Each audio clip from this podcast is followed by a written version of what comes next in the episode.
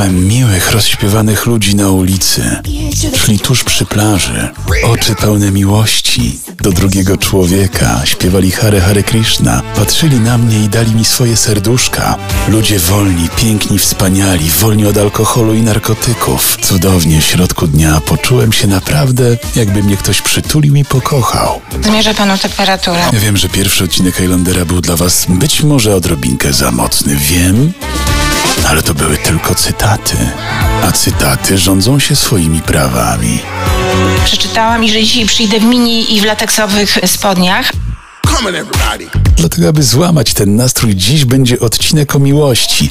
O miłości w każdym wieku, w każdym stanie. Tu Highlander. Dzień dobry, kochani. Bardzo dziękuję za tak ciepłe przyjęcie. Słówko zajebisty, zajebiste, bardzo fajny, na stałe wpisuje do mojego słowniczka słów pięknych i dobrze brzmiących. Nawet nie wiecie, jak zrobiliście mi dzień.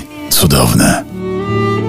Na Facebooku zauważyłem wiele waszych emocjonujących wpisów o odnalezionych miłościach po latach, że tyle czekaliście, że warto było czekać tyle lat. Cudownie. Dlatego nie pozwólmy ukraść sobie marzeń, tak jak bohater tego odcinka, trener Jerzy Brzęczek, który właśnie wrócił na łamy internetowych portali i telewizji i pojawił się gdzie? No właśnie gdzie. Kto zgadnie gdzie? Dobry wieczór wszystkim. Dzisiaj bez zbędnych wstępów. W nich gadają goście, były selekcjoner, trener Jerzy Brzęczek. Witam serdecznie, witam Państwa. Jak chcesz, żebyśmy do siebie mówili? To Ja myślę- takie może bolesne do ciebie, jak będę mówiła cały czas były. absol- Absolutnie nie. Ja myślę, że nie musimy udawać, tylko znając się tak długo, możemy sobie mówić Prawie. 10 Ja nie mam z tym problemu, Ja naprawdę. też. Jerzemu skradziono marzenia i trudno się z nim nie zgodzić.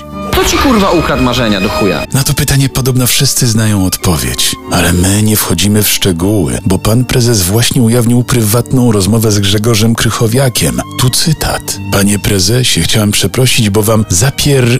trzy gwiazdki euro. Kochani, nie kropkujcie. W imię miłości powiedzcie, że bo wam zapierdoliłem euro.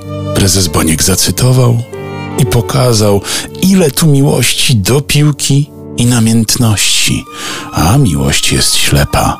Prezes Bonik udowodnił, jakim jest mistrzem, wybierając Jurka. Myślę, że zrobił to dlatego, bo oni są bardzo podobni. Charakterem, w pasji, w byciu piłkarzem, w miłości do piłki, w nerwie. Historia Jerzego i Małgorzaty inspiruje mnie od dawna. A niech będzie skurwysynem, byleby wygrywał mecze, to ja mówię nie jako kibic. A ja wolę, żeby wygrywał mecze, przegrywał mecze, remisował, ale żeby był porządnym człowiekiem. A miłość, jak mówiłem, nie zna wieku, stanu ducha i portfela. Miłość zawsze wygrywa.